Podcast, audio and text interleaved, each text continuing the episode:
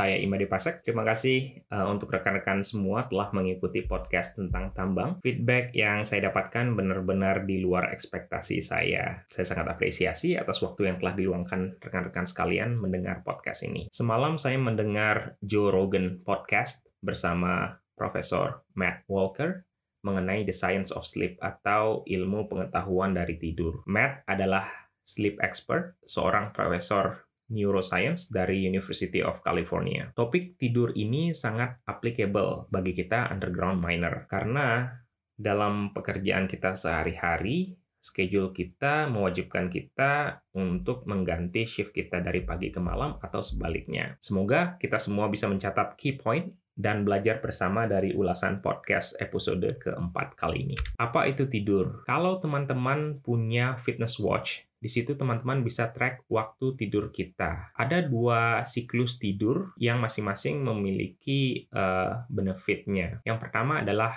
uh, REM sleep atau rapid eye movement. Ini disebut juga dengan tidur bermimpi. Ini penting untuk memori dan mood. Pada saat REM sleep ini, jantung kita berdetak lebih kencang, otak kita sangat aktif. Yang kedua dari siklus tidur adalah non-REM sleep.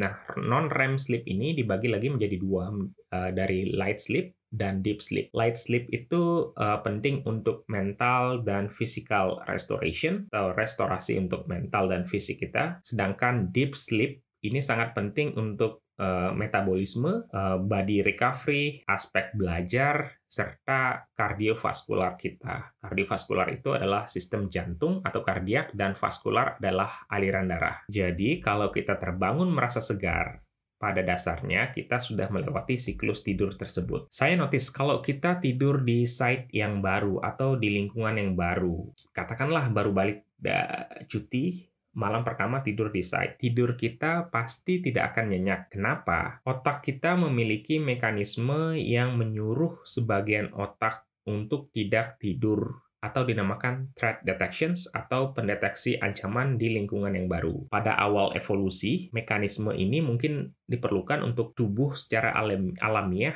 untuk sigap setiap saat dari musuh-musuh yang mengancam. Jadi, walaupun kita tidur 6 sampai 7 jam di lingkungan yang baru, malam pertamanya pasti kita akan terbangun dengan rasa yang cukup lelah. Kalau kita punya kadar alkohol di tubuh kita, tubuh kita secara otomatis akan memblok REM sleep. Jadi, kalau kita tidur setelah mengkonsumsi alkohol, tidur kita pasti tidak akan nyenyak. Kenapa? Pada saat alkohol sudah dirilis tubuh kita, katakanlah jam 3 atau jam 4 pagi keesokan harinya, tubuh mendapatkan rebound effect sehingga baru saja kita memulai sleep cycle, kita sudah harus berbangun kita sudah harus terbangun beberapa saat setelahnya. Jadi inilah yang menyebabkan kita menjadi sangat lelah pada saat bangun tidur setelah mengkonsumsi alkohol di malamnya. Tidur itu sangat penting untuk kemampuan kita belajar dan memori. Kita tahu underground mining adalah lingkungan yang high performance. Kita kerja 11 12 jam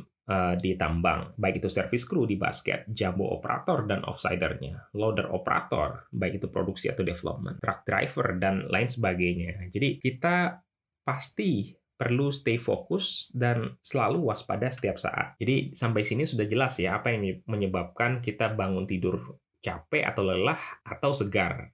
Itu tergantung dari pada saat cycle di mana kita bangunnya. Kalau kita bangun di tengah ritme, kita pasti capek. Sedangkan kalau kita bangun setelah cycle, pasti kita merasa segar. Ini juga menjelaskan kenapa kalau kita tidur siang, walaupun hanya dua jam saja, kita merasa segar dibandingkan dengan tidur malam yang 4 jam.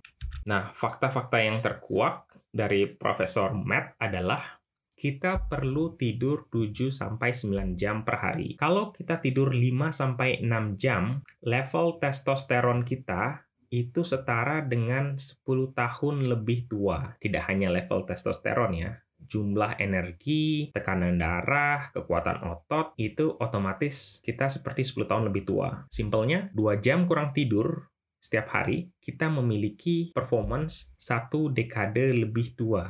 Jadi uh, kalau dua jam kurang tidur, kita rasanya 10 tahun lebih tua ketika bangunnya. Ada studi di sana disebutkan bahwa ketika tidur di monitor, instrumen membaca otak kita aktif 20 kali lebih banyak dan otak itu mengiterasi apa-apa yang telah dipelajari di hari-hari aktifnya. Kalau ini diaplikasikan ke kita sebagai miner, kita akan belajar lebih baik jika waktu tidur kita cukup. Baik itu belajar alat, eh, belajar ketika akan sertifikasi, dan lain sebagainya. Kesimpulannya adalah 9 jam tidur itu sangat baik sekali. Eh, namun secara realistis menurut saya, karena kita kerja 11-12 jam di tambang, kemudian kita ke mess hall, kemudian kita komunikasi dengan keluarga, dan lain sebagainya, menurut saya pribadi, eh, kita bisa tidur dengan 7 jam per malam itu sudah sangat baik. Nah, kalau kita tidur 7 jam uh, semalam, kita akan belajar lebih cepat 20 sampai 30% lebih baik dari hari sebelumnya. Otak menyerap informasi lebih baik dari apa yang kita pelajari di hari sebelumnya dan menyediakan ruang untuk siap menampung informasi apa yang akan kita pelajari di hari berikutnya. Jadi, apa yang bisa kita ambil dari sini? Tidurlah lebih banyak kalau kita ingin training alat atau kalau kita ingin belajar lebih baik di hari setelahnya.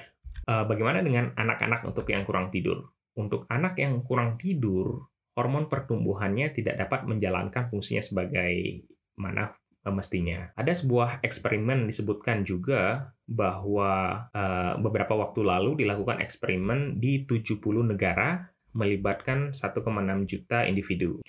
Pada saat musim semi, ketika jumlah tidur berkurang satu jam, secara rata-rata terjadi peningkatan serangan jantung sebesar 24 persen cukup signifikan kan? Sebaliknya, di musim gugur, ketika mereka memperoleh satu jam ekstra tidur, angka serangan jantung justru menurun 21%. Ini uh, berkorelasi juga dengan terjadinya angka kecelakaan lalu lintas. Pada saat musim semi, lebih sering tuh terjadi kecelakaan lalu lintas. Sedangkan pada saat musim gugur frekuensinya lebih lebih kurang. Kemudian apalagi uh, bunuh diri dan lain sebagainya.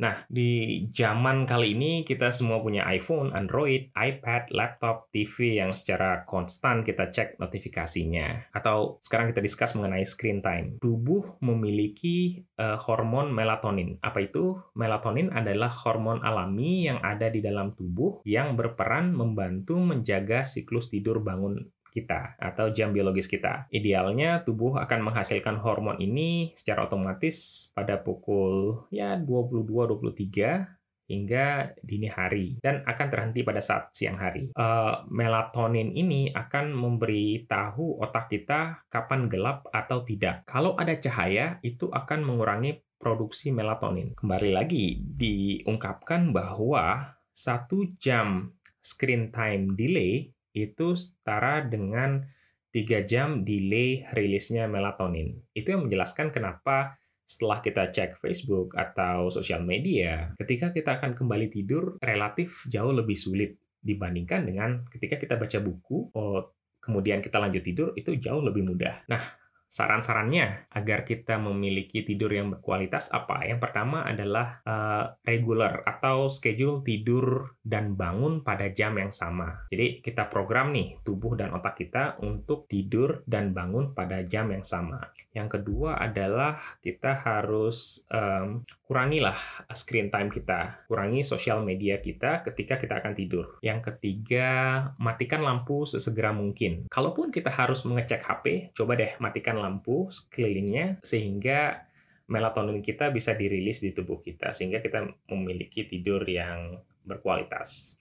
Yang keempat itu kita buat ruangan kita lebih dingin. Otak itu harus uh, drop 1 sampai satu setengah derajat Celcius untuk mendapatkan tidur yang lebih bagus. Jadi ini yang menjelaskan kenapa tidur telanjang itu pada dasarnya adalah tidur yang lebih bagus. Yang kelima itu uh, kalau tidur jangan lapar, jangan juga kekenyangan. Um, kemudian saran dari saya kalau mau, mau dapat tidur yang berkualitas di barak, kita bisa pasang earplug tapi tentu saja pasang alarm juga karena kita tidak mau telat bangun kan ngaruh ke appraisal toh. Um, kemudian saran saya pribadi itu coba tambahkan tidur sejam. Nah caranya adalah kita kalau kita terbiasa tidur jam 10, maka yuk kita coba tidur jam 9. Kalau kita terbiasa tidur jam 9, coba kita niatin tidur jam 8. Kita coba lakukan hal ini tiga hari saja. Kenapa harus sejam dan kenapa harus tiga hari? Karena untuk memutus rantai kebiasaan buruk, uh, sebuah perubahan harus dimulai dari komitmen yang ringan dan yang singkat.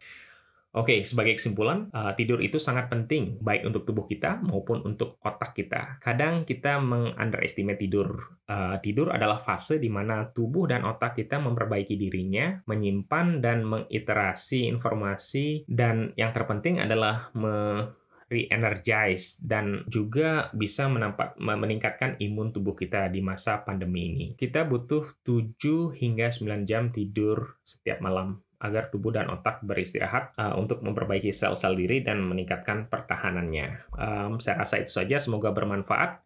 Ada satu quote yang menarik adalah uh, the shorter your sleep, the shorter your life. Semakin pendek tidur kita, semakin pendek juga hidup kita. By the way, uh, saya merekam podcast ini tengah malam ketika sedang babysit saya, uh, ketika sedang babysit bayi saya yang berumur sekitar 9 hari per hari ini. Hai Nicholas, kamu mau menyampaikan sesuatu di podcast Papa ini? Oke, okay, that's it from Nicholas. Sampai jumpa lagi.